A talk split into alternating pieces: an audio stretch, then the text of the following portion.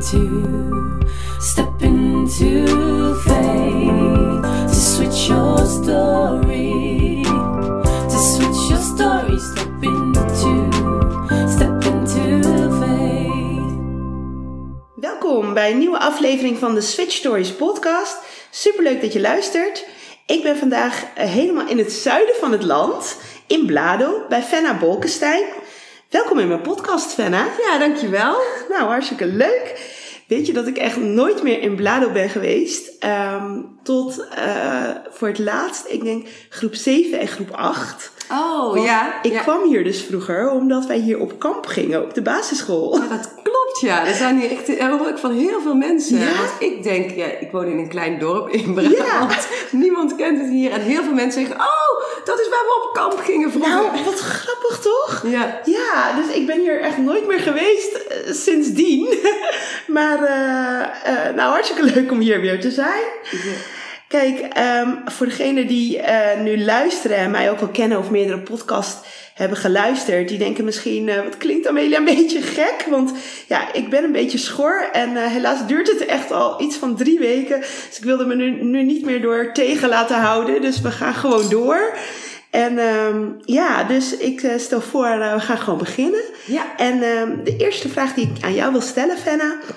Ehm, voordat we namelijk naar jouw Switch Story gaan, Ja. wil ik jou vragen: wat zou jij, de Fenna van zo'n 15 tot 20 jaar geleden, een beetje aan het begin van jouw carrière, hebben meegegeven met de kennis en ervaring die je nu hebt? Oeh, dat is een mooie vraag. Wat zou ik mee hebben gegeven? Dat ik altijd, maar dan ook altijd, met de nadruk op altijd, mag vertrouwen op mijn gevoel. En dat wat mijn hart me ingeeft altijd klopt en dat ik dat moet volgen. Wauw, Ja. Mooi. Is het dan zo dat, ehm, dat 15, 15, 20 jaar geleden niet het geval was? Dat je dat toen niet deed? Eh, nou, ik denk dat ik het toen ook wel deed, alleen veel minder bewust. Ehm, en dat ik wel vaak voelde, oh, dit voelt niet helemaal goed om te doen. Maar dat is toch wel een soort van logisch, dus dat mijn hoofd zeg maar dan toch weer de overhand nam. Omdat Ja. het dan praktisch is of eh, misschien toch wel handig is om te doen. Of eh, eh, is zoals het altijd is gegaan, of wat Ja. ik gewend ben. Eh, terwijl ik nu heel vaak... ehm, eh, ik heb gewoon ervaren dat wanneer ik denk, oh, dit is goed om te doen, want het is handig of praktisch of dat soort dingen, dat dat niet altijd de juiste keuze is als ik het niet voel.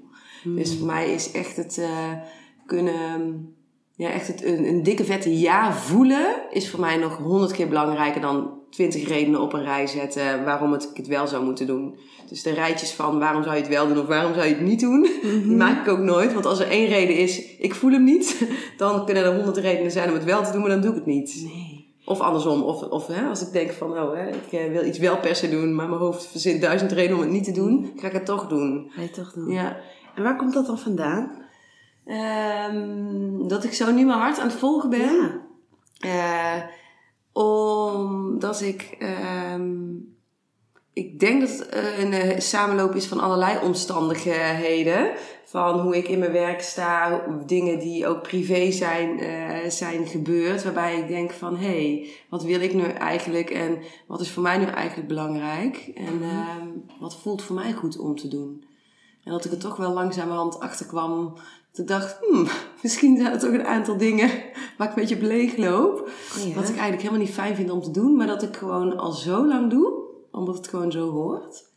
Ja. En had dat ook met je werk te maken? ja, dat had ook met mijn werk te maken. Oké. Ja. Zullen we dan misschien even bij het begin Ja, beginnen? helemaal goed, Wil je misschien goed. wat meer vertellen over jezelf en eh, Ja. over jouw achtergrond, zeg maar, Mijn jouw achtergrond. carrière? Eh, nou, mijn eh, achtergrond. ik ben opgeleid als orthopedagoog. En eh, eh, vooral gericht op eh, ontwikkelingsstoornissen. Ehm, ik was in eh 2005 ben ik afgestudeerd in, van de Universiteit in Leiden. Toen ben ik eigenlijk bijna meteen begonnen bij een organisatie die ehm, eh, heel veel werkt met mensen met epilepsie hier in, in Brabant. En vervolgens in 2007 gestart bij een organisatie eh, voor mensen met een verstandelijke beperking, waar ik vooral heel erg ehm, bezig heb gehouden met een groep niet aangeboren hersenletsel. Heel erg verdiept heb alle jaren, door alle jaren heen in de neuropsychologie ehm, en cognitieve gedragstherapie. Echt verschillende scholingen en ehm, opleidingen in eh, gedaan. En eh, de doelgroep die ik daar dus had, was dus vooral mensen met niet aangeboren hersenletsel, maar ook veel mensen die zwak begaafd zijn of licht verstandelijk beperkt met allerlei psychiatrische problematiek. Dat is ook best wel eh ja, pittige doelgroep, zeg maar. Ja. Ehm, maar die ik wel altijd super leuk en mooi heb gevonden en nog steeds vind. Dus ik vind het nog steeds een fantastische eh, doelgroep om mee te werken. Alleen de, ja, de setting waarin ik eh, werkte, waarin ik mijn ding wilde doen, zeg maar zoals ik het wilde doen, ja.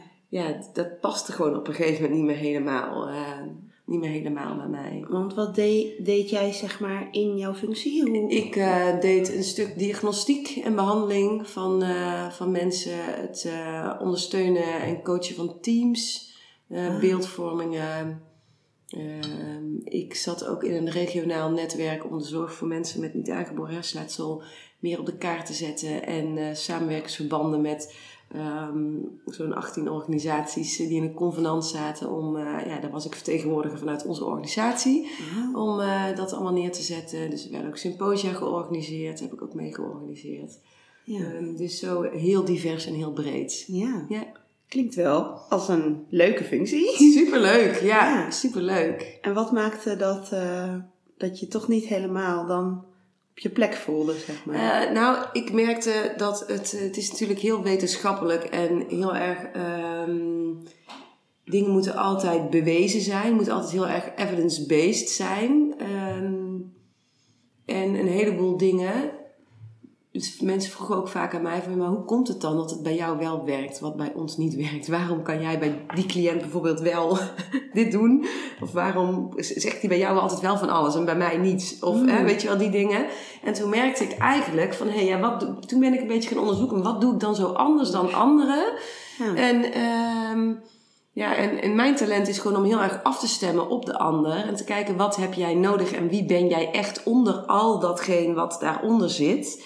En ehm, ik wilde gewoon echt met mensen zelf aan de slag zijn. En hoe het ehm, destijds zat binnen de organisatie, was dat er ook steeds meer natuurlijk druk vanuit zorgkantoor werd gelegd en vanuit de eh, wet en regelgeving dat alles goed gedocumenteerd moet zijn. Dus ik was vooral op een gegeven moment bezig met eh, behandelplannen schrijven, met achter mijn computer zitten, met eh, heel veel dingen ook op gebied van protocollen en eh, al dat soort eh, eh, dingen. En ik dacht echt, nee, dit wil ik gewoon niet. Ik wil gewoon echt zo graag echt met, met de mensen bezig zijn en niet elke zoveel maanden bij elkaar moeten gaan zitten met mensen vanuit de angst. Oh, dadelijk hebben we ergens iets niet afgevinkt, weet je wel? En eh, ja, de, de, ik, dus ik voelde steeds meer ehm, dat daar iets aan het wringen was. Ook omdat het vooral natuurlijk heel erg vanuit dat wetenschappelijke stuk en vanuit de wet en regelgeving wordt gekeken en een bepaalde visie daarop is. Terwijl ik ook steeds meer merkte van ja, maar er is wel echt meer in dit leven.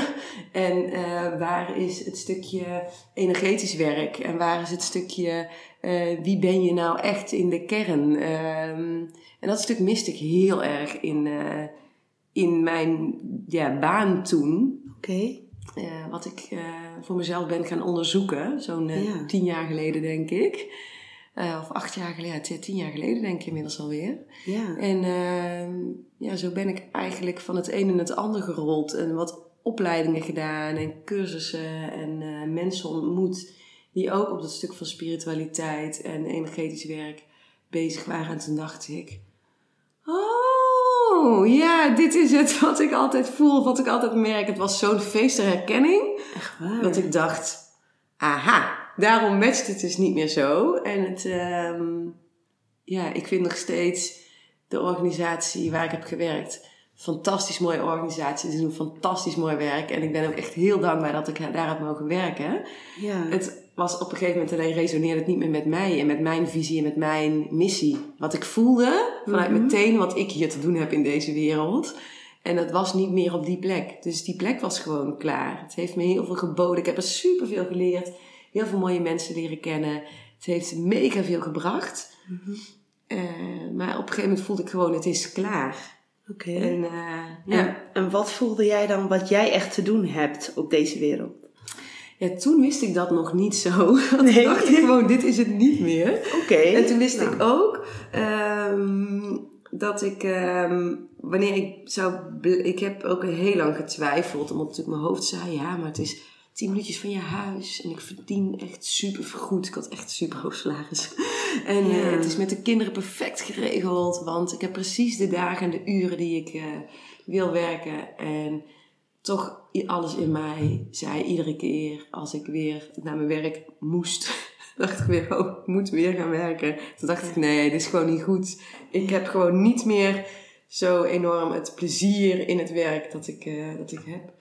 Ehm, dus dat wist ik wel. Ik wist wel dit niet meer. Maar wat Nee. dan wel, Wat dan wel, ja. dat wist ik dus nog niet zo goed. Nee, Dus wat heb je toen gedaan? Eh, na ongeveer een jaar twijfelen, ga ik wel, ga ik niet, ga ik wel, ga ik niet, heb ik eh, mijn ontslag ingediend.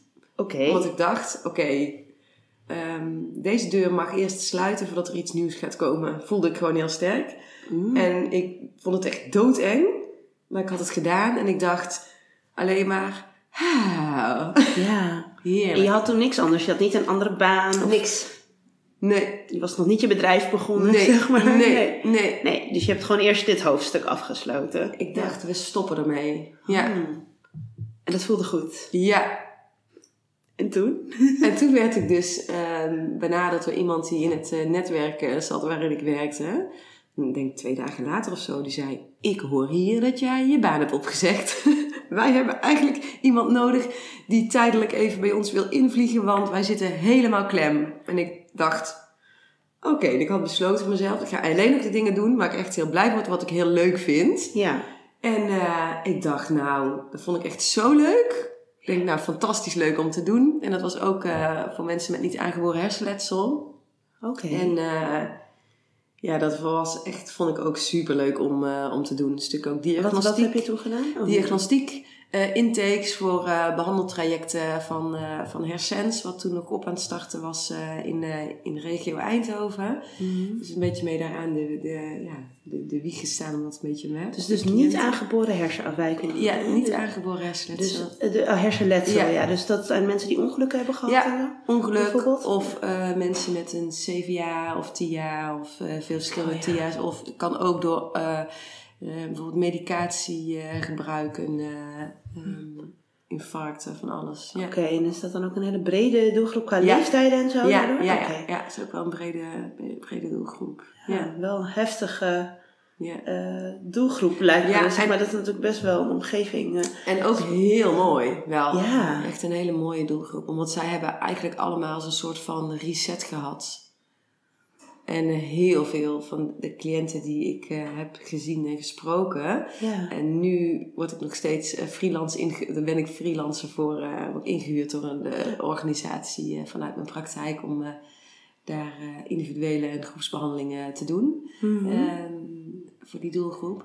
En ik krijg heel vaak de mensen ook met echt die zingevingsvragen. Of mensen met bijna doodervaringen. ehm, die, eh, ja, die wel echt eh, ook voelen van... hé, hey, dit is echt zo'n enorme reset geweest in mijn lijf en nu. en eh, die helemaal weer opnieuw moeten beginnen. Dus het is ook wel een hele mooie, ja. dankbare... ja, want kunnen die mensen over het algemeen dan eigenlijk bijna niets? Of sommige bijna niets en sommige juist best wel veel nog? Want dat is, Ja. je, her- je hersenen is natuurlijk ja, alles. Dus dat, Er zit eh, heel veel verschil in. De Oh, mensen ja. waar ik nu mee werk, eh, ik word dus ingehuurd door Essence om dat te doen. Dat zijn wel echt de mensen die ehm, gewoon allemaal thuis wonen en allemaal eigenlijk zich best aardig kunnen redden mhm. over het algemeen. Maar dat er heel veel onzichtbare gevolgen zijn. Van concentratiestoornissen, Mm. vermoeidheid, eh, ehm, vergeetachtigheid. Nou, echt... ehm, En wat doe jij dan met hen?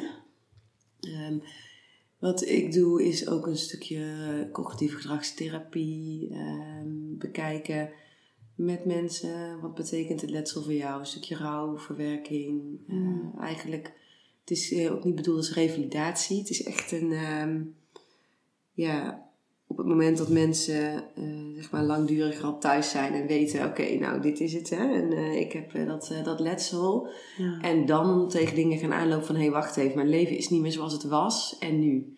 Ja. Dus dat kan op allerlei gebieden zijn. Dat kan op het gebied van relatie zijn, maar ook werk.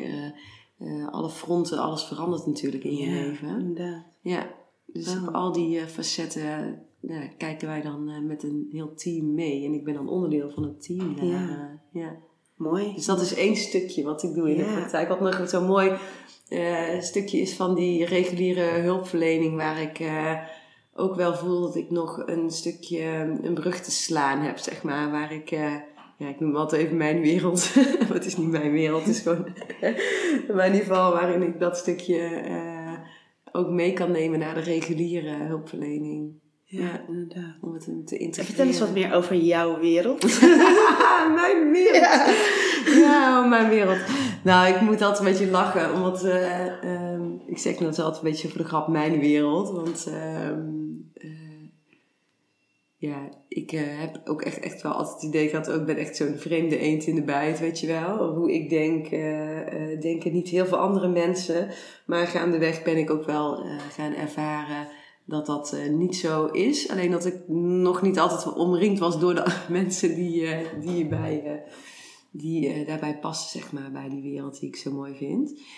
Wat ik dus, eh, ehm, ja, mijn wereld. Mijn wereld is eigenlijk dat alles één is en dat eh, ehm, het universum in zijn geheel. En dat wij daar een heel klein onderdeeltje van zijn. En dat wij hier op deze wereld, op deze aardbol, tijdelijk verblijven om iets heel moois neer te zetten.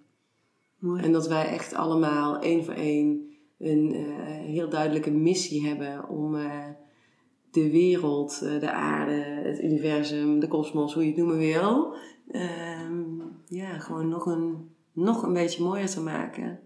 Hm. Ja. Want wat is jouw missie? Eh, mijn missie is ehm, iedereen, ik heb nu vooral mijn praktijk gericht echt op vrouwen, maar ik merk ook wel dat er een aantal, eh, een aantal mannen zijn die, eh, die ook ehm, regelmatig vragen aan mij stellen. En dus het is niet dat ik dan zeg, ik doe alleen maar vrouwen, maar Ja. dat is wel waar ik alles in ieder geval op heb gericht. Ja. Ehm, om nog meer die vrouwelijke energie neer te zetten en echt eh, mensen weer te laten herinneren wie ze daadwerkelijk zijn en wat hun hart hun ingeeft. Dus wie ze ja, in de kern zijn, niet misschien wie ze zijn, maar wat ze zijn. Dat ze hier gewoon hè, een, ziel zijn die hier op deze aarde gebruik maken van dit lijf om hier iets neer te zetten in deze wereld. En ehm, veel meer te leven vanuit vertrouwen en verbindingen en vanuit liefde. Dan vanuit angst en ehm, oordeel en ehm, Mhm. zwaarte. Ik wil eigenlijk mensen ook laten zien hoe licht het leven kan zijn en hoe fijn en leuk het leven kan zijn. Ook al maak je hele moeilijke of zware periodes door. Mooie missie. Ja, Ja, heel mooi. ja. Dus ehm, met deze missie is jouw praktijk ontstaan. Ja, Praktijk Tala. ja. Vertel daar eens wat meer over. Hoe is dat uiteindelijk ontstaan? Want je ging dus weg bij jouw werkgever. Je Ja. kreeg toen eigenlijk wel vrij snel gelijk een opdracht in je schoot geworpen. Ja, Maar hoe is uiteindelijk jouw praktijk ontstaan? Eh, mijn praktijk is ontstaan. Ik had er wel langer het idee. ehm, ik wil dus. eh, ik had er wel langer het idee dat ik dus de combinatie wilde maken van het wetenschappelijke stuk en het eh, spirituele stuk. Omdat ik vind dat alles. Alles is ook gewoon één. Dus alles hoort ook gewoon bij elkaar. En je werkt gewoon op verschillende lagen in je systeem. Dus met cognitieve gedragstherapie werk je op een andere laag dan wanneer je op zielsniveau of op een hele ehm, mooie, eh, bijvoorbeeld een healing eh, doet. Dan zit je weer op een ander niveau eh, te werken in je energiesysteem. Oké. Dus voor, maar voor mij ehm, heeft het wel allemaal hetzelfde doel. En is alles wel gewoon hetzelfde. Dus, ehm, en die twee werelden, daarom zeg ik altijd, ja, een beetje mijn wereld. Ja. Mijn wereld is zeg maar die wereld waar alles samenkomt. En waar alles gewoon hetzelfde is. En waar eh, het niet uitmaakt of je dit uit de kast trekt of dat uit de kast trekt. Je kijkt gewoon wat is bij jou op dit moment de beste laag om in te werken en om mee aan de slag te gaan. Om weer die verbinding met je hart te kunnen vinden. En om weer je te kunnen herinneren wie je nou daadwerkelijk bent. Dus dat is wat ik heel graag wilde. Dus Ja. ik ben op zoek gegaan. Oké, waar kan ik een leuke baan vinden om dit te doen? En ik heb gezocht en gezocht en ik kreeg het niet gevonden. En toen dacht ik, hmm, misschien moet ik het zelf gaan creëren. En dat ben ik toen gaan doen. En in eerste instantie ben ik begonnen met kind en jeugd, omdat ik het altijd heel leuk vond om met kinderen en eh, jongeren te werken. En ehm, dat had ik in mijn, eh, ja, in mijn andere banen nooit zo heel veel gedaan, vooral met volwassenen. Dus dacht ik, oh, dit is mijn kans. Nu ga ik met kinderen en jongeren beginnen, want dat lijkt me zo leuk. En eh, al die kinderen die kwamen allemaal hun mama's brengen bij mij. Echt waar. Ja, ja. Ik heb zelfs één keer gehad, wilde een jongetje echt niet uit de auto komen. eh, om bij mij te komen. Terwijl eh, zijn moeder vond het zo ontzettend belangrijk om te komen. Dus toen heb ik ook tegen het jongetje gezegd, want we moesten ook een stukje rijden. Ik zeg, weet je wat? Komt gewoon even lekker wat drinken bij me, even een koekje eten. En dan ga je gewoon weer lekker naar huis. Want als je niet bij mij wil zijn, hoef je niet te zijn. Nee. En dat eh, heeft hij toen ook gedaan. En toen heb ik ook met moeder afgesproken met moeder verder te gaan. Ja. En dat, dat bleek dus ook, eh, ja, kinderen zijn gewoon puur een spiegeltje naar, ehm, naar de ouders. En zij laten eigenlijk alleen maar aan ons zien, door hun gedrag of door hetgeen wat ze zeggen of wat ze doen, wat bij ons nog geheeld mag worden waar we ons niet bewust van zijn. En dat werd me heel duidelijk toen ik dus met kinderen aan het werken was en ik eigenlijk steeds meer iedere keer op die moeders eh, gericht was. Want ik dacht van, hé, hey, Ehm, de ingang is via het kind, hè? maar uiteindelijk ben ik eigenlijk, eh, valt er bij, vooral bij mama's iets te helen. Dus, eh, Want wat was er met die kinderen waardoor, ze bij, waardoor die ouders van Tiki's er uiteindelijk voor Ja. bij jou te, Hoe kwamen die bij jou terecht? Wat, wat was er met soort van eh, tussen aanhalingstekens mis met Ja. die kinderen? Zeg Ja. maar, Of, eh, wa- waren er uitdagingen waar ze met die kinderen tegenaan liepen waardoor ze bij jou terechtkwamen? heel veel uitdagingen, zoals faalangst, ehm, overprikkeldheid, veel boosheid of woede. Ook wel een stukje ehm, gedragsproblemen. ehm, Vanaf een bepaalde leeftijd kwamen ze dan bij jou? Ehm, tussen de 8 en 12 de meeste. Ook Oké. al een jonger kindje gehad van 6. Maar eh, over het algemeen een beetje tussen de 8 en 12, 12, ja. 13. En eh, bijvoorbeeld kinderen die heel angstig zijn. eh. dus ja. En uiteindelijk ehm, kom je over kinderen die heel druk zijn. Ja. Dus ik dacht, heeft hij nou ADHD? Weet je? wel? Ja, inderdaad. Nee hoor, geen ADHD. Maar Het is gewoon een heel druk kind. ja. ja, maar die dus alleen in zijn drukte liet zien aan de ouders van... joh, je rent veel te hard. Stop eens even. Pauze. Echt waar. Ja. Dus zodra je dan aan de... eh, Met, zodra ik met de ouders aan de slag ben gegaan... en eh, de vertaalslag heb gemaakt van... wat spiegelt jouw kind nou eigenlijk naar jou? En welke dingen heb jij dus te doen? Om, hè, waar mag jij je dus bewust van worden? Ehm, dat, er, ja, dat jij anders kan gaan doen in jouw leven. Dan zag je gewoon, dan was daar het probleem opgelost. En dan werden de kinderen, die, die draaiden helemaal bij. Dan Ah. geen probleem meer. Ja, wat invloed dat heeft dan. Hè? Ja. Dus zo kwam je er eigenlijk achter dat je Ja. Met de vrouwen moest gaan werken. Of met de Ja. moeders of met de ouders. Ja. Ja. Oké. Dus vooral toen ben ik echt, eh, toen heb ik ook eh, alles helemaal omgegooid in mijn praktijk. Ook helemaal, helemaal, alles weer helemaal opnieuw. Website, logo, alles. Want ineens voelde alles niet meer passend. Toen dacht ik, na een jaar dacht ik, nou, ja, na een jaar ongeveer denk ik. Dacht ik, nee, nu moet echt, alles moet anders. Want toen had ik het ineens zo helder. Ja, dus dat voortraject was voor mij ook blijkbaar heel erg nodig geweest om inzicht te krijgen wat het Ja. dan is wat ik te doen heb. Ja. Ja. Maar dat is nogal wat om dan wel echt die beslissing te nemen. Ja. Om dan toch daarin ook zeg maar een soort van dan de switch in je praktijk Ja, te maken. dus ik heb eigenlijk twee keer een switch gemaakt. Ja. De loondienst naar mijn praktijk. En toen in mijn praktijk nog een keer naar weer heel iets anders. Ja, Ja, door toch echt ook eh, voor Ja. een andere doelgroep te gaan. ja, ja. ja. en ik weet nog dat mijn, ehm, eh, dat mijn eh, eh, webdeveloper toen zei...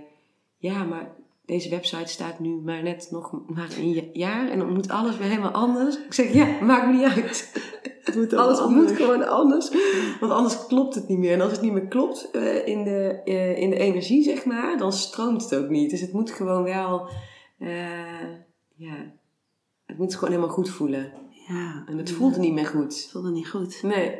Ja, dus een, en, en is dat jouw basis, zeg maar, soort van, ja, waar dat vertrouwen dan vandaan komt? Van als het goed voelt, Ja, dat je daardoor die beslissing kan nemen? ja.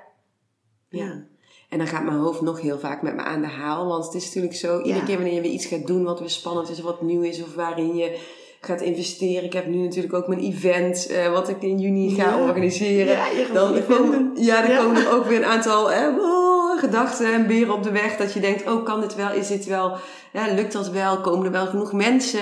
Eh, hè, het is natuurlijk ook een investering die ik vooraf moet doen. En ik heb nog niemand hè, die dus nu al een kaartje heeft gekocht. Gaat het allemaal wel lukken? Ja. Maar ik voel aan alles zo dat ik het moet doen. En dat ik Ja. eh, de plek waar ik eh, ook het event ga doen. Ik voelde zo echt in elke vezel van mijn lijf, hier moet het zijn. Ja. Dus ik voel gewoon aan alles dat het gewoon goed komt. Dus ik heb eh, ook eh, vriendelijk bedankt voor alle gedachten. en heel fijn dat jullie me proberen veilig te houden, maar ik ben oké. We, gaan we gaan ervoor. Ja. ja, dus heel erg vertrouwen op je gevoel Ja. daarin. Ja. Ja. En hoe reageerde jouw omgeving eh, op sowieso de stap van je baan opzeggen, niks Mhm. anders hebben? Ja. Eh, ook bijvoorbeeld, je hebt een man, volgens Ja. mij, hè? En Ja. drie, drie kinderen. Ja. Dus je hebt gewoon een gezin, je hebt een prachtig huis waar we nu in zijn. Ja. Eh, ook waarschijnlijk dus vaste lasten. Ja. Ehm, hoe werd er vanuit je omgeving gereageerd? Nou, het leuke was, omdat ik zo zeker wist dat ik dit moest doen. En zo ehm, vanuit mijn tenen voelde, het maakt me niet uit wat iemand ervan vindt. Dit is wat ik nu te doen heb. Heb ik echt alleen maar positieve reacties gehad. Wat fijn. Alleen maar. Van iedereen. Die zei, oh, wat gaaf, oh, wat goed. Eh, ook heel veel mensen zeggen, wauw, dat je dat durft, Durft. om dat zo te doen. Ja. Dacht ik van, ja, hè, dat is natuurlijk ook niet over één nacht ijs gegaan. Maar ik was op een gegeven moment zo zeker van, eh, ja, dit is gewoon voor mij nu de allerbeste keuze. Ja. Dat eh, niemand eh, daar eigenlijk op een vervelende manier op heeft gereageerd. Nee. Helemaal niemand. Nou, dat is super fijn natuurlijk. ja. Heb jij ook ondernemers in je omgeving die het, zeg maar van daaruit ook begrepen wellicht? Eh, ja, ik heb ook wel een aantal, een, een aantal mensen die ondernemen in mijn omgeving, maar er zijn er niet heel veel. En er zijn ook twee vriendinnetjes van mij die eh, zo'n beetje net voor mij of net een beetje tegelijk zo eh, zijn, eh, zijn gestart. Dus die niet al jaren aan het ondernemen waren. Nee. Dus dat, er zijn er niet heel veel in mijn omgeving en ook in mijn familie niet. Nee. Dus ik ben zeg maar, voor mij voelt het dan ook wel zo'n soort van pio- pionier of zo, weet je Ja. wel. Eh, wat eh, je niet goed dan, ja, die, die advies of zo kan ik niet echt uit mijn omgeving halen, omdat ik niet echt iemand heb eh, die daar eh, Nee. al heel lang mee bezig is eh, op die manier. En waar haal je dat dan vandaan nu? Of, nu, of, of, of toen de tijd, toen je begon? toen ik begon, Haalde je dat ergens vandaan of ben je gewoon gegaan? Weet je? Ik ben eigenlijk gewoon gegaan. Ja. En ehm, ik heb ehm, steeds meer mensen ook leren kennen op mijn pad van ik ga gewoon. Eh, met de keuzes die ik heb gemaakt eh, voor, eh, waar ik natuurlijk ook jou heb leren kennen hè, bij, Ja. bij de M-pop. dus ik ben gewoon gaan kijken, wat wil ik heel graag doen? Wat draagt bij aan mijn, ehm, aan mijn onderneming? En daar ben ik iedere keer weer die mensen tegengekomen waar, ik, ehm, ja, waar ik gewoon hele fijne gesprekken en contacten mee heb. Ehm, natuurlijk een eh, mastermind hè, met, eh, met je zus en met Vief. En, ja, eh, inderdaad. Die ik ook al een keer eerder heb geïnterviewd. Dus Ja. dat, ja, dus dat is wel leuk dat ik Ja. jullie nu allemaal heb gehad hiermee. Ja. Ja, en ik ben vorig jaar april ben ik op een business retreat geweest van Eva Mangal. En dat heeft ook echt, dat is ook een fantastisch mooi retreat. Waar ik ook echt allemaal like-minded eh, ondernemers heb leren kennen. En dus Ja. ook daar eh, in een eh, masterkring, eh, eh, die gaat deze maand afsluiten. met een aantal hele mooie ondernemers die ook echt vanuit hun hart willen ondernemen. En ehm, hele mooie businesses hebben staan. Dus ehm, Ah. ja, en ik heb ook nog wel eh, andere mensen leren kennen. Ook weer bij cursussen. bijvoorbeeld Angelique, waar ik een retret, eerder retrets mee heb georganiseerd. Dus zo heb ik toch wel echt een aantal mensen uh, in mijn omgeving inmiddels. Die ehm, ook gewoon echt een, een bedrijf hebben wat gewoon lekker loopt. En die natuurlijk ook wel ooit voor verschillende hordes en vraagstukken komen staan. Maar waar je gewoon met elkaar kan sparren en kan kijken. Hé, hey, waar kan ik iets voor jou doen? En uh, waar kan jij misschien mij even, uh, hè, kan jij even jouw lichtje op laten schijnen? Wat zie ik niet, wat jij misschien wel ziet, omdat je soms ook blinde vlekken gaat ja, krijgen voor de, de dingen waar je mee bezig bent.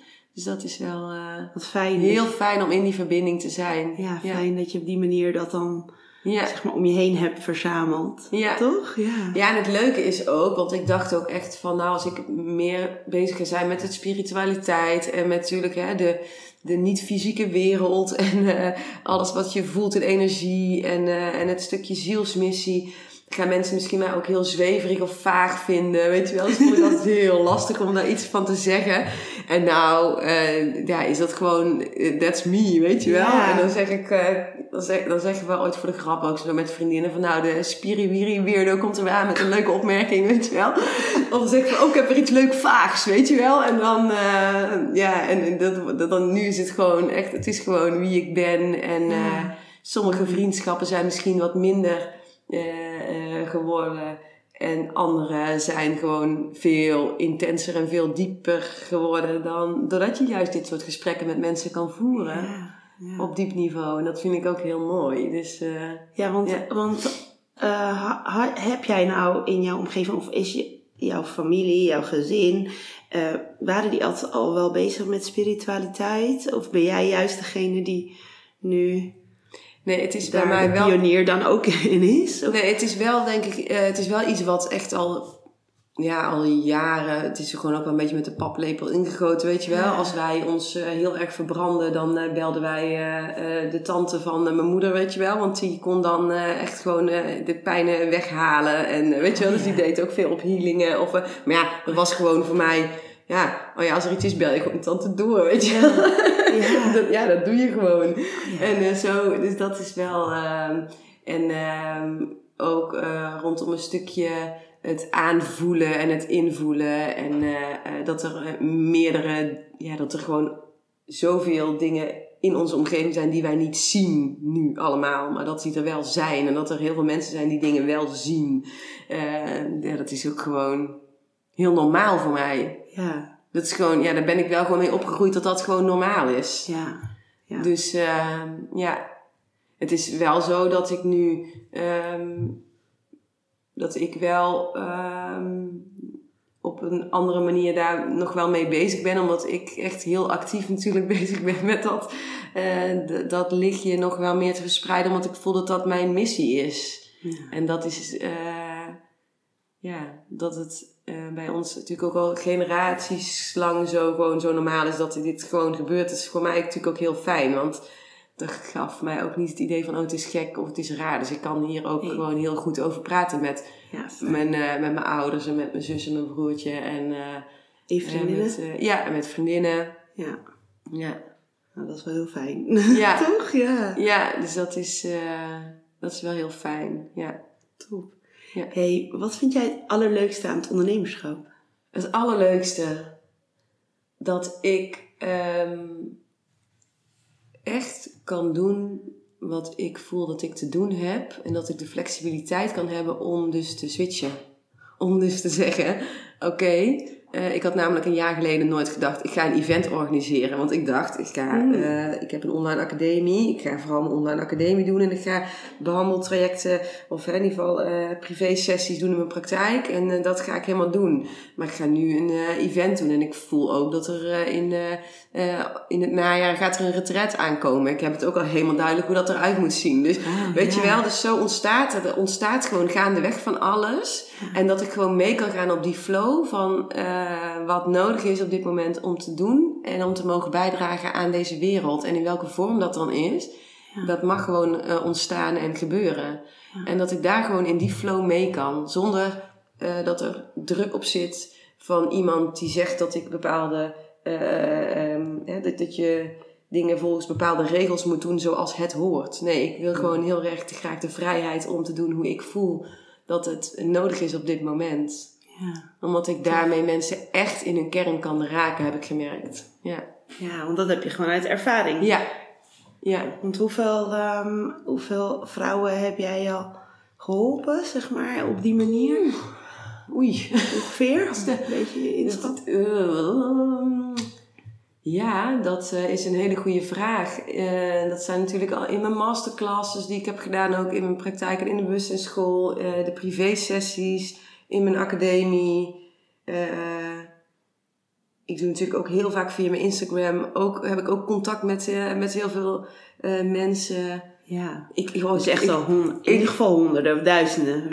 Ja. Nou, ik laat zeggen honderden. Ik, ik weet het niet. Ik Nee, weet het ja. niet. En het mooie vind ik, is dat wanneer ik bij één iemand zijn, eh, ehm, eh, ja, één iemand dat weet te raken, zeg maar, in de kern, dan gaat dat als een soort van ripple effect, gaat het ook naar allerlei andere mensen toe. Dus ik heb misschien dan in mijn praktijk, eh, had ik gisteren ook een, nou echt zo'n bizar, waanzinnig mooie sessie.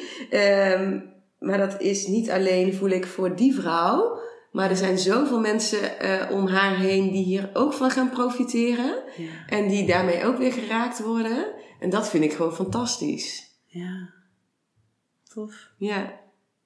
Ja, ik wel misschien wat ik, ik ben zelf helemaal, ik zit niet helemaal in deze wereld, zeg maar. in mijn wereld. Ik kom niet helemaal uit jouw wereld. In onze wereld. Ja, en mijn wereld, zeg maar, Ja. of tenminste mijn omgeving, zeg maar, ik heb heel veel mensen om mij heen die, eh, denk ik, dit een beetje meer een soort van, misschien een beetje zweverig inderdaad, Mhm.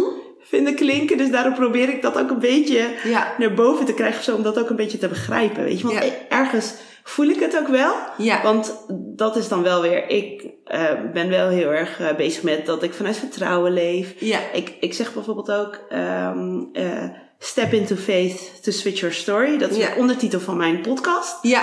Dus ja, dus daar, daarin vraag ik ook vaak aan ondernemers, waar komt dat vertrouwen nou vandaan? Maar bij jou voel, ja, ik voel dat ook wel, dat, je, dat jij dat ook, ja, jij voelt dat heel- Ja. volledig vanuit gevoel, volledig vanuit vertrouwen. Ja. Dat vind ik wel heel mooi om te zien, te horen. Ja, en het is ook een kwestie van, ehm, bij mij ook van heel veel doen en ervaren.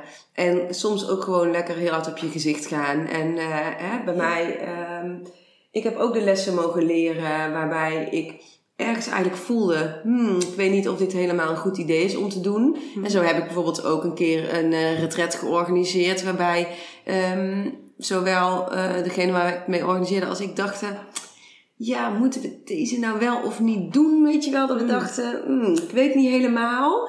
En, Toch een twijfel of zo? Toch een twijfel. Mhm. En ehm, er kwam dus ook verder, wat, we, gingen dat hele retret ging dus ook niet door. Want Oh. er waren ook nul aanmeldingen. Oh, Weet je wel? Dus ja, dus, en daar heb ik, dus- dan weet, heb ik dus ook toe mogen leren van, oh ja, zie je, als ik ergens voel, dit klopt niet helemaal, hoef, moet ik het ook gewoon niet gaan doen. hmm. En zo, dat is dan bijvoorbeeld hè, zo'n, weer zo'n groot ding, maar het zit ook in eh, hele kleine dingetjes. Zoals? Zoals, ehm, ja, dat ik gewoon eh, nu ook aan mensen vraag. Als, ik heb namelijk ehm, heel, mijn gevoel klopt gewoon altijd. Als ik namelijk het gevoel heb van, bij iets of iemand van, oh, ik denk dat dit aan de hand is of hè, iets, iets gaat er niet helemaal goed. Nu vraag ik het vaak ook gewoon. Dan vraag ik gewoon aan iemand, ben je wel oké? Hè, Ik, heb, ik heb het gevoel dat er eh, iets, hè, of dat je misschien iets wil zeggen, of dat er iets niet helemaal lekker loopt of lekker zit, of gooi eruit wat je eruit wil gooien, weet je wel? En ehm, voorheen dacht ik heel vaak van, nou laat maar, ik zal het wel fout hebben. Ehm, en nu stel ik gewoon die vraag. Ja. En dat kan iets simpels zijn bij, ehm, bij mijn kinderen of bij mijn man. Want het kan ook zijn wanneer ik in een sessie zit met iemand. Ja. En eh, dat ik aan alles voel, oh, er zit iets. Eh, soms eh, ga ik ook bijvoorbeeld in afstemming op een sessie. Dan trek ik ook vaak een kaartje of ik zet de muziek aan. Of dan tune ik echt even op zielsniveau in, zeg maar. Op wat, ehm, wat is voor, voor nu heel belangrijk om mee te mogen geven aan deze persoon. Dat bijdraagt aan het proces waarin die zit. En dan ga ik vaak schrijven en dan denk ik, nou, schrijf ik nou toch allemaal op, weet je wel? En dan heeft iemand een vraag aan mij gesteld en heeft dan helemaal niks te maken met wat ik opschrijf. En eerst kon ik dan denken, nou, dan zou ik dan wel fout hebben. Ga ik maar niet zeggen, want dat is stom, weet je wel. Dadelijk eh, vergis ik me.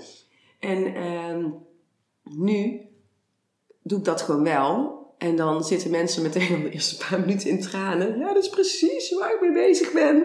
Dan denk ik, oh, weet je wel, van die dingen. En dat, ja, nu doe ik dat gewoon. Omdat ik heb ervaren door dit wel te doen, dat ik daardoor de, eh, de mooiste bijdrage kan leveren aan iemand Ja, anders. inderdaad. Ja. Ja. dus door te doen ehm, krijg je eigenlijk alleen maar nog meer vertrouwen. Doordat je dan Ja. bevestigd krijgt dat Ja. dingen goed zitten eigenlijk. Toch? Ja.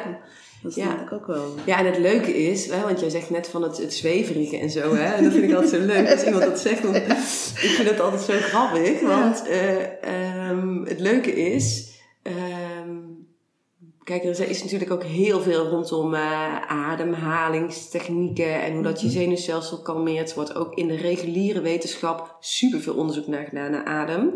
Maar dat was gewoon 30 jaar geleden. Zei ze ook, ja, adem. Ja, dat is een beetje vaag hoor. Een beetje ademen en dan komt alles goed, weet je wel. Ja. En dus zo zie je ook altijd weer. De wetenschap loopt ook gewoon een beetje achteraan te hobbelen. Eh, voor mijn gevoel altijd.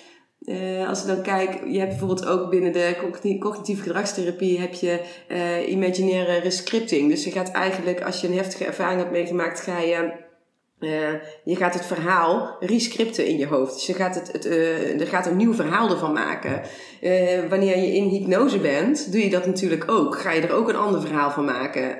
Wanneer je bij mij in een sessie zit en we gaan heel diep in een visualisatie en eh, ehm, ik ga je helemaal meenemen door dat proces om, ja, om jouw verhaal te veranderen, ben ik met precies hetzelfde bezig. Alleen het is niet die naam met dat label, wat dan evidence, snap je? Dus het is gewoon, eh, het is allemaal hetzelfde. Alleen voor mij werkt deze manier heel goed om te doen in combinatie, hè, de wetenschap in combinatie met dat spirituele en het energetische werk.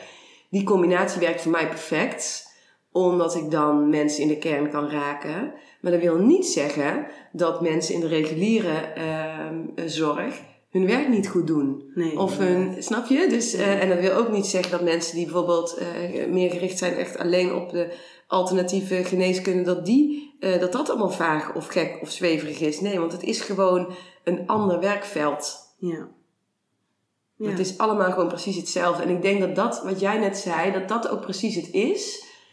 Je voelt aan alles dat het resoneert en dat het waar is en dat het klopt in je systeem.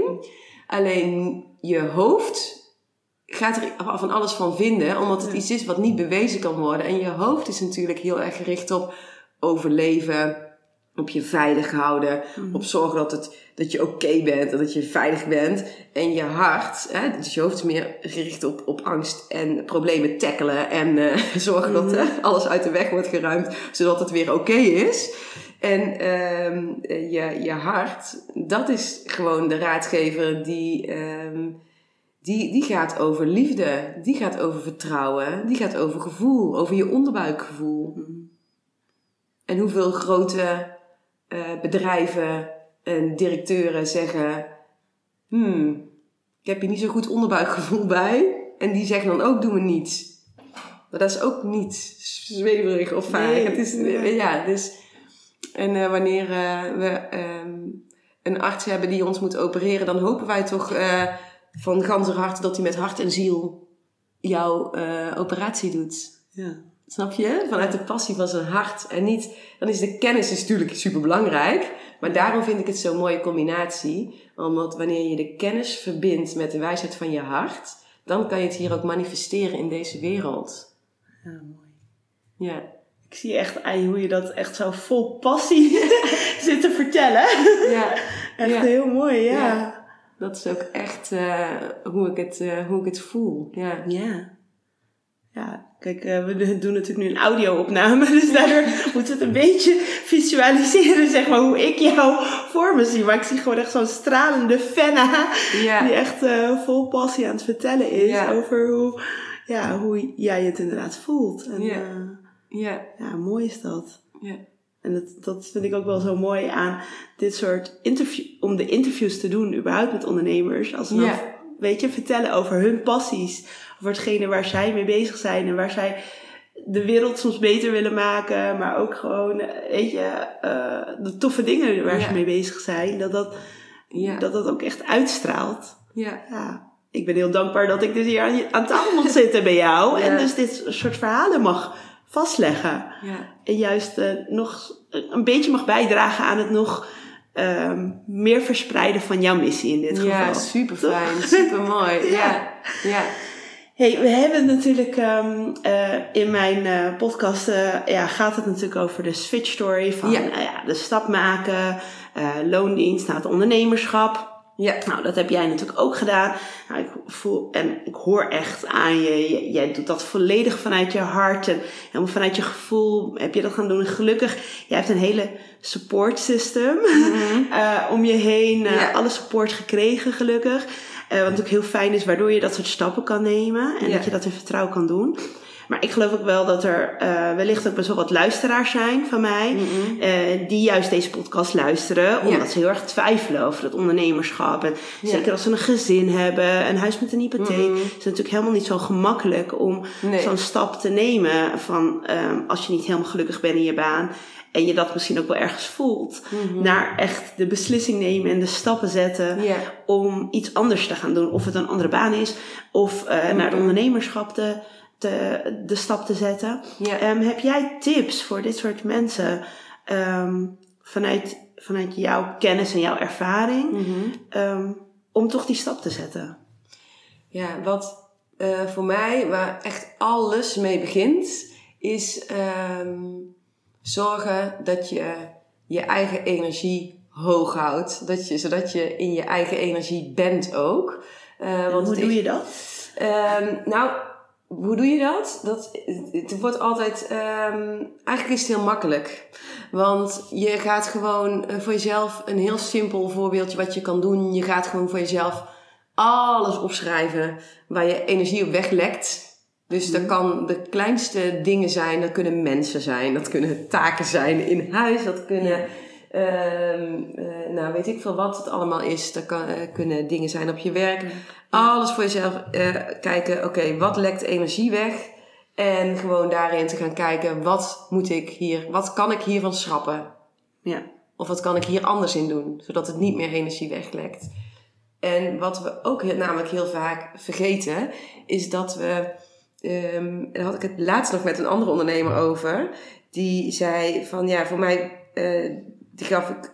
ehm, eh, het, het advies, zeg maar. Die vroeg mij ook van ja, hoe moet ik dat nou aanpakken? En die, dan zei ik van je, in plaats van eerst alles af te vinken wat je allemaal moet doen, ga eerst eens even zorgen dat je gaat doen wat je wil doen. En wanneer je gaat doen wat je wil doen, dan kom je in een soort van lekkere flow terecht. En dan zit je lekker in je eigen energie. En dan gaan die dingen die je moet doen ook veel makkelijker. Hmm. Dus het is eigenlijk een soort van de omgekeerde wereld. Waarin wij geleerd hebben. Ja, eh, we moeten natuurlijk al heel veel van onszelf. Vooral van onszelf. Want vaak moet het niet van iemand anders, maar je moet het vooral van Ja, jezelf. Eh, dus daarin ook een stukje liefdevoller en zachter naar jezelf zijn. En je steeds af te vragen, waar heb ik nu behoefte aan? Kijk, en sommige dingen, moeten, sommige dingen moeten ook gewoon, hè. Ik bedoel, eh, het is toch handig als je hypotheek betaald is. En het is Ja, handig als je, als je eten op tafel hebt staan, hè. Dat je, Ja. hè de, de- maar als je kijkt van, hè, waar heb ik echt nu behoefte aan? Ehm, en wat ehm, is voor mij nu belangrijk om te gaan doen? Ja. Dan, eh, en je luistert daarnaar, dan eh, kun je gewoon je energie veel hoger houden. Ga ook eens in je huis door. Eh, wat heb je allemaal in je huis staan van aan dingen die je niet blij maken? Ja. Zorg ervoor dat je omgeving, de mensen met wie je omgaat, je werk, alles waar je. eh, zorg dat je je omringt met dingen die je blij maken. En al heb je een super eh, spuuglelijk ding gekregen van iemand waarvan je denkt: Oh, ik vind het echt vreselijk en ik, ik vind het gewoon echt helemaal niks en het staat hier in mijn huis. Dan is het helemaal niet erg om dat eh, door te geven aan iemand anders. Want misschien wordt iemand anders daar wel heel blij van. Maar is het niet voor jou en past het niet bij jouw energie? En dat is helemaal niet erg. Dat is helemaal niet om ondankbaar te zijn of om daarover te oordelen dat iemand iets stoms heeft gegeven. Nee, want het is juist vanuit liefdevolle intentie aan jou gegeven. Maar jij mag wel altijd voelen, wanneer je iets krijgt, wil ik dit ontvangen? En dat is altijd een keuze die je kan maken. Mooi. Ja. Ja. Dus dat zijn zo een paar dingetjes. Hoe kan je je energie hoog houden? En natuurlijk, wat super fijn is, is naar buiten, de natuur in. Ja. Ehm, ja. En in stilte zijn en in rust zijn.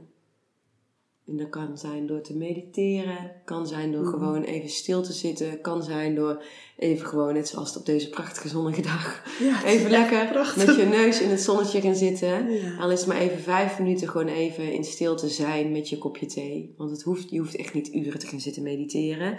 Je mag ook jezelf de tijd gunnen om daaraan te wennen. Ja. En om daar eh, meer in de stilte te zijn. Dus meer vanuit het doen naar het zijn. Ja. Doe jij het veel? Ga je veel naar buiten? Want je woont natuurlijk hier in een dorp, helemaal in het zuiden van het land. Ja, Waarschijnlijk veel groen. Ja, ik ben eh, toch wel echt eh, regelmatig in de, de bossen te vinden. Ik vind het ook, eh, ik merk ook wel dat ik zo, nu het wat, zo veel, ontzettend veel heeft geregend, dat ik ook wat meer binnen ben. En dan merk ik ook gewoon van, oh, dan, ga, dan zoek ik het dus ook op andere manieren. Dan ga ik dus ook meer, of meer mediteren, of ik ga meer eh, lezen, eh, of ik ga... ehm, ja, gewoon andere dingen doen waarvan ik merk van hé, dit werkt voor mij om mijn energie hoog te Hoog houden. te houden. En dan, Ja. ja. dus dat is maar net, eh, kijk, wat voor de een werkt bijvoorbeeld sporten supergoed om zijn energie hoog te houden. Terwijl voor de ander werkt juist mediteren heel goed. Of is het juist een combinatie van beide. Ik denk dat de truc is om voor jou te kijken wat werkt voor jou. Ja. En wat, wat is fijn voor, eh, eh, voor jouw systeem om hiermee om te gaan. Mooi. Ja. Nou, we hebben wel best wel, eh, best wel mooi, denk ik, jouw verhaal redelijk compleet, denk ik. Hè? Ja. Van alles wat jij in ieder geval hebt gedeeld, ook met mijn luisteraars, over hoe jij erin Ja. staat en de tips die jij zeg maar hebt gegeven. Echt super fijn, dank je wel. Ehm, om jou ook persoonlijk nog iets beter te leren kennen, heb ik een paar korte vraagjes. Oh ja, leuk. Eh, als je dat goed vindt. Ja, helemaal goed. Ehm, wat is jouw favoriete eten? Oeh. Ik wil over iets totaal anders praten. Oei. Ehm, nou, ik eet sinds eh, ongeveer een jaar eh, eet ik vegetarisch. Oké. Ehm, en ik heb echt reden? zo... Nou, omdat ik dus ook merkte dat mijn energie eh, door eh, dat ik eh, vlees at, dus ook echt gewoon boeg zakte. Oh, En ik voelde het gewoon echt in mijn lijf. Mijn lijf kreeg het ook op een gegeven moment niet meer goed verwerkt. En eh, sinds ik geen vlees meer eet, voel ik me veel energieker. En heb ik ook veel minder last van mijn buik. En eh, voel ik gewoon, het, het werkt matcht gewoon voor mijn lijf beter. En soms voel ik wel van, oh, nou heb ik echt heel erg zin in kip. En dan eet ik dat ook gewoon. Want het is niet dat ik dan zeg, ik mag het niet meer. Want dan zit je weer op het moet. En dat moet niet. Het mag allemaal. Dus dat doe ik ook heel erg op gevoel. Dus het is niet dat ik eh, strikt, eh, heel eh, streng daarin, daarin ben. Maar ik merk gewoon dat dat ook weer zo'n ding is wat voor mij dus werkt om mijn energie hoger te Ja. houden. En waar ik me fitter en fijner bij voel. Ehm, dus, maar ik vind... ehm, dus ik heb zoveel nieuwe dingen leren kennen. Ik vind bijna alle dingen iets met gegrilde groenten, zou ik dan zeggen. Oh ja, vind je dat het allerlekkerst? Vind ik super lekker. Ja. ja. Vind ik ook heel lekker. Ja. echt heel lekker. En dan paprikaatjes en, en aubergines en, eh, nou, en, ik, ja, en, en courgettes en nou, ik weet niet wat Ja. allemaal, maar lekker met balsamico dressing en Oh ja. parmezaanse kaas en heel nootjes. En, gezonde, wel de gezonde tour. Dus ja, eh, maar ik kan ook echt super, ik ben ook echt dol op paprika chips. Oh ja, Ben ik ook dol ik op. ook. En ik kan ook echt onwijs genieten van frietjes met eh, gewoon mayonaise en curry erop. Ja. Dat vind ik ook heerlijk. Oh vind ja. ik ook echt heerlijk. Dus Ja. het is niet dat ik alleen maar gezond eet. Nee, inderdaad. Maar eh, ja, dus dat vind ik ook echt eh, heel lekker. Ja. Goed. Heb je een favoriete sport om zelf te doen?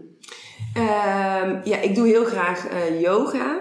En ik ben nu sinds kort ook begonnen in de, eh, in de sportschool echt met krachttraining. Oh, echt? Is nog niet helemaal mijn hobby, merk ik. Maar, Waarom ben je dat gaan doen dan? Nou, omdat ik natuurlijk heel veel met, ehm, dat komt ook weer, heeft ook weer te maken met die combinatie, zeg maar. Eh, want ik natuurlijk ehm, soms heel hoog met eh, hele hoge energie ben en heel erg op, de, op het, ehm, met het stukje energiewerk bezig ben, zeg maar. Mhm. Maar mijn lijf moet daar ook in mee kunnen. Want het heeft ook weer te maken met al die verschillende lagen, zeg maar. eh, waarin, je, eh, waarin je werkt. Dus hè, je hebt natuurlijk het emotionele stuk, het mentale stuk, het fysieke stuk, maar ook het, eh, het, het ehm, energetische stuk en het spirituele stuk. En als je iedere keer in het hele hoge stuk alleen maar zit te werken, Eh, je moet het wel, zeg maar, hier met je lijf op deze aarde, moet je het wel gaan doen. Dus is het ook belangrijk om goed in je lijf te zitten en om goed te blijven aarden. En die krachttraining Die helpt eh, daarbij. helpt mij daarbij. Oké. Ehm,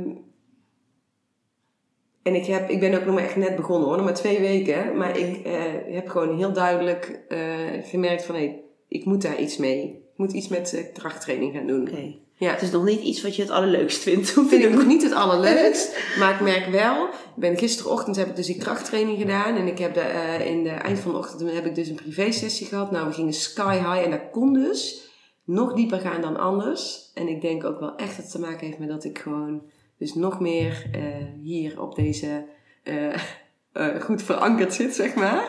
Waardoor het nog, nog dieper kan gaan en nog hoger kan gaan. Wauw, dus Ja. je maakt al wel gelijk het verschil. Ja, ja. Oké, dus je gaat er wel mee door. Ik ga ermee door. Ja. En, eh, maar misschien dat ik ook dadelijk weer, als het, eh, ik hou ook heel erg van, eh, van wandelen. Ik vind het Oh ja. ook heel fijn om gewoon echt stevig te Ik wandelen. Ja. Ja, heerlijk. Ja. Als het zeg maar dit weer is met het zonnetje, ja, dan vind ik het ook. Maar als het echt stortregent en zo, dan, nee. dan ben ik ook echt niet buiten. Dus nee dus dan, ja, dus Nee. als het lekker weer is, dan ben ik ook heel Ja. graag buiten. En dan ga ik heel Fijn. vaak fietsen. Oh, lekker. Lekker even een rondje fietsen met de kinderen. En Ja. even wandelen. Ja. Heerlijk. ja. Heb je een favoriete tv-programma of Netflix-serie? Ehm, Oeh, ik ehm, vind, wat ik echt al jaren kijk, is eh, Grey's Anatomy. Vind ik heel leuk. vind ik heel leuk, ja. Heb ik vroeger heel veel gekeken, maar Ja, nu al heel lang niet meer. Is wel heel leuk. vind Ja. ik echt heel leuk. En wat ik eh, ook wel... ehm, ik kijk ook wel vaker eh, documentaires. Eh, nu natuurlijk ook de Goop eh, Lab kijk ik van... ik ben het Paltrow. En er zit natuurlijk ook weer Wim Hof in met zijn methode. En ehm, eigenlijk allerlei... ehm, ik, volgens mij heet die ook Heal, die documentaire. Nou, zo zijn er zoveel Ja, documentaires. volgens mij ook gezien, ja. En ik zag laatst zag ik eh, iets voorbij komen van We Are Gaia. En dat zei ze van dat is de, de spirituele Netflix. En toen dacht ik, wow, dat is leuk. Want ik vind bijvoorbeeld ook echt eh, geometrie en eh, alles wat daarmee te maken heeft ook echt fantastisch. Dus er is ook zo'n zo'n eh, documentaire op eh, Netflix, dat heet The Code. En eh daar gaat iemand dus ehm, allerlei onderzoek naar doen. Dus dat je dus aan de hand van de wetenschap en aan de hand van allerlei eh, wiskundige en natuurkundige principes precies kan vaststellen hoeveel vis bijvoorbeeld iemand gaat vangen. Weet je wel, van die, van die idiote algoritmes, hoe dat dan eh, gaat. En in de geometrie, ja, dat ben ik ook, ja, ben ik, vind ik ook echt magisch interessant hoe dat dan allemaal gaat en hoe dat dan allemaal zit. En eh, ja, dus ik ben toch ook wel een beetje een, eh, ja, een wetenschapsfreak daarin. ik vind het dan heel leuk om die wetenschappelijke feitjes en eh, dingen te weten. En aan de andere kant vind ik het ook echt heel fijn om in die, eh, meer in dat spirituele eh, documentaires te duiken. En eh, ja. Heb je een favoriete vakantiebestemming?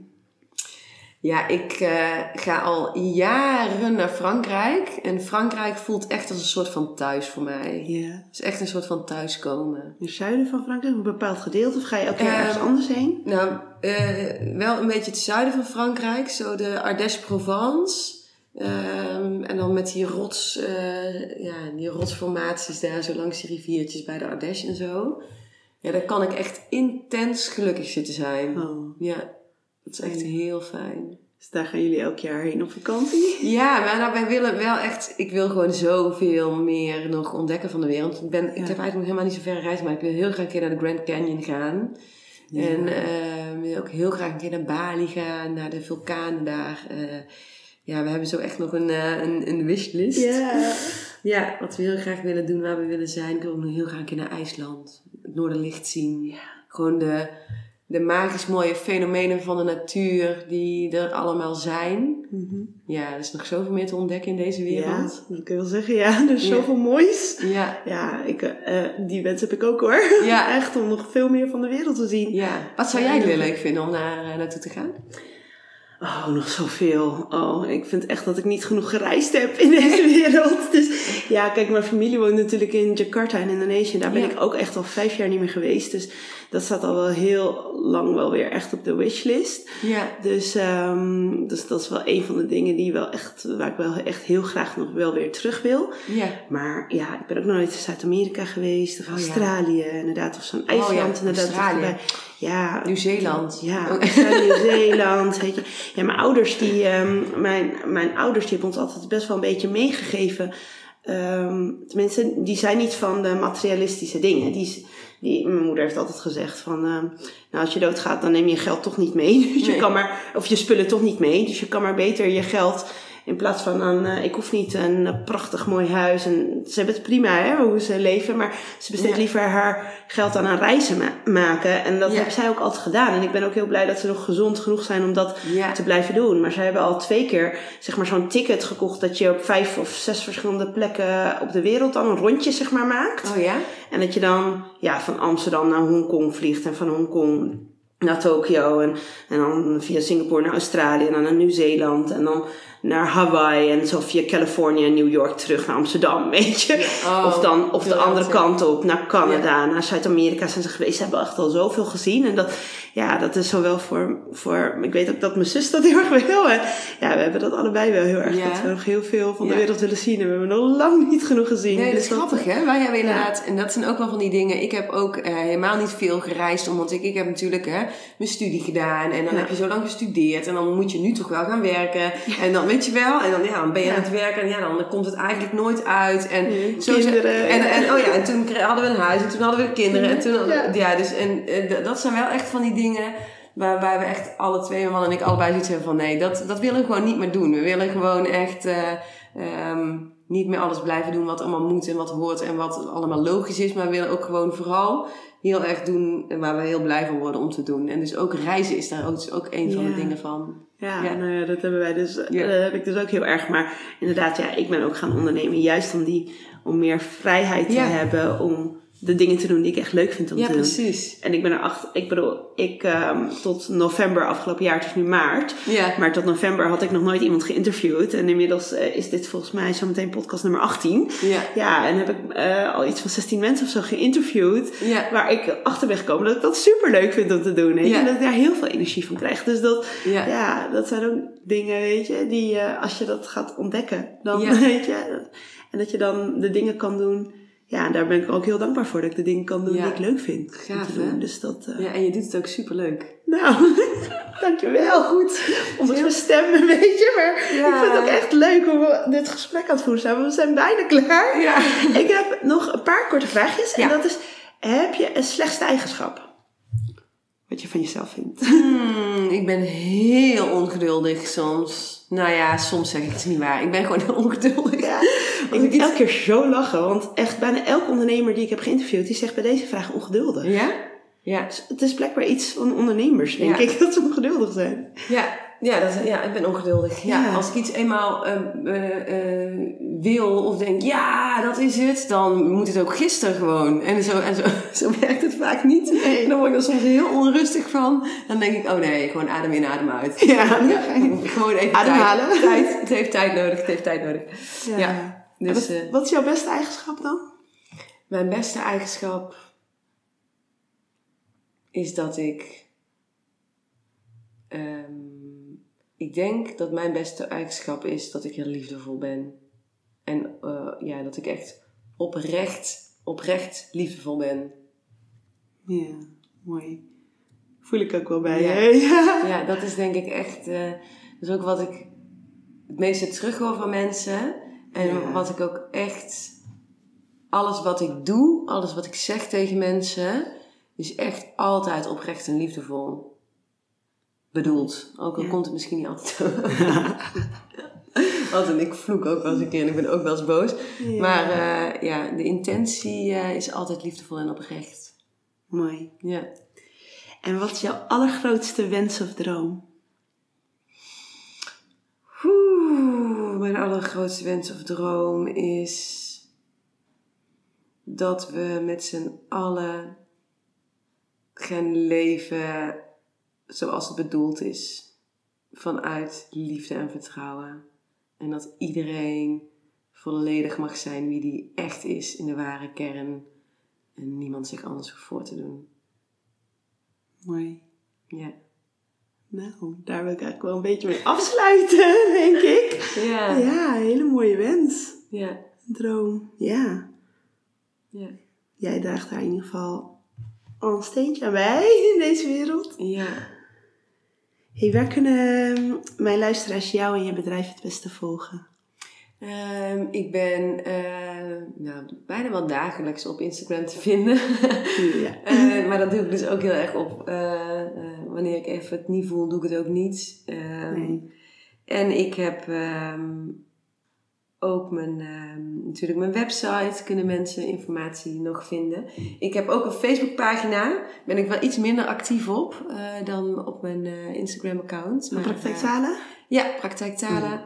En mijn Instagram-account heet fenna.praktijktalen, kunnen mensen mij vinden. Ja. Dus eh, ja, als je wat meer wil weten, ik, trek natuurlijk ook regelmatig kaartjes. Eh, Ja. Want ik vind het ook echt leuk om in, echt in verbinding te zijn met mensen en eh, om iets moois te kunnen bijdragen. En dat kan soms al zijn door inderdaad even een vraag te mogen beantwoorden of een kaartje te trekken voor iemand. Of Ja, dat doe je dan een- gewoon op Insta, hè? ja, doe gewoon op Insta en dan eh, krijg je gewoon privé een berichtje. Dus dat vind ik ook super leuk om te doen. Wat cool. Ja. Ja.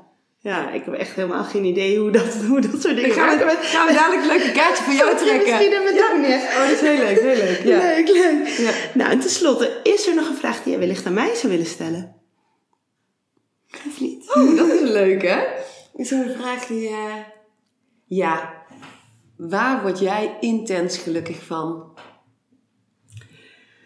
Oh, ja, wel meerdere dingen denk ik. Maar ehm, ja, ik word gewoon intens gelukkig als ik gewoon inderdaad de dingen kan doen waar ik heel blij van word. En op dit moment ben ik gewoon heel blij met hoe ik mijn leven leid, zeg maar. Ik doe een deel freelance werk, zeg maar, bij mijn oude werkgever, wat ik gewoon echt met heel veel liefde, zeg maar, doe. Ehm, eh, ik, eh, weet je, mijn familie, iedereen is gezond om me heen. Weet je, we, we, we kunnen leuke dingen doen als gezin. Weet je, we kunnen op vakantie. We, Ik mag geweldige ondernemers interviewen. Dus ja, ik, eh, ja, ik ben eigenlijk wel een gelukkig mens. dat, eh, ja, mooi. Dat, eh, ja, daar ben ik heel dankbaar voor ook. Ja. En dan sta ik ook echt wel elke dag, ja, elke dag bij stil. Ja. En ik deel dat dan elke week op Insta Ja, en zo. ik. Ja, dat zie Met ik. mijn- met mijn Thankful Thursdays. Ja, mooi. Maar ja, ik eh, ben daar wel echt heel bewust mee Mhm. bezig. Ja. Ja, omdat er gewoon zoveel... nou, ik geloof gewoon ook wel dat als je daar juist mee bezig bent... met die kleine dingen Ja. waar je dankbaar voor kan zijn... Mhm. Ehm, dat je dat ook weer helpt om op, juist op momenten, misschien als je niet zo lekker in je vel zit. Mhm. Ehm, want ja, daar ken ik ook best wel wat mensen van die misschien niet zo lekker in hun vel zitten. Mhm. Ook in mijn omgeving, wel vriendinnen bijvoorbeeld. Mhm. Ehm, ja, ik geloof wel dat als je daar dan net een klein beetje meer aandacht aan besteedt, dat je dan ook realiseert hoeveel moois er is om voor te leven en Ja. om eh, ja, van te genieten. Mooi. Dus ja, Dat is trouwens ook een hele mooie tip van jou nog om je energie hoog te houden. Dankbaar zijn. dankbaar zijn, ja. Dankbaar zijn, ja. Ja, ja dat dankbaar zijn is iets wat, eh, waar ik ook wel echt Ja. heel erg in geloof. Ja. En, ehm, ja, en waar ik echt mee bezig ben, zeg maar. Ja. Omdat, ja, dat helpt mij gewoon Ja. in, in alles wat ik doe. Ja, Ja. en, want ja, eh, dat, dat geeft vertrouwen. Dat geeft, eh, ja, geeft inderdaad energie. Dus, eh, Ja, mooi hè? ja. Ja. Nou, Heel mooi. nou dankjewel. dankjewel voor, Jij voor ook bedankt. en voor het gesprek. Ja. En ehm, ja, lieve luisteraars, als eh, jullie een reactie hebben op deze podcast. Dan horen Fenna en ik het natuurlijk heel graag. Ja, en als je nog een vraag hebt Ja. die je naar aanleiding hiervan wil stellen, dat je denkt, oh, daar wil ik nog even iets dieper op ingaan, of hoe bedoelde je dat? Want we hebben natuurlijk nu een paar dingen aangetipt, maar hè, ehm, stel ze gerust aan me. Inderdaad, ja. Met liefde geef ik antwoord. Inderdaad. Nou, je kan Fenna gewoon contacten op Insta. Ik ga ook in de show notes al jouw contactgegevens er straks bij zetten. Oh ja, dat op is mijn site Ja. natuurlijk. Ja. Dus, ehm, dus dan kunnen andere mensen jou ook gewoon contacten.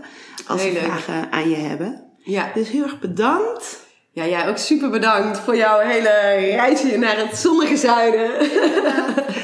Nou, en dat is het zeker waard geweest voor dit Ja. mooie gesprek. Ja, dankjewel.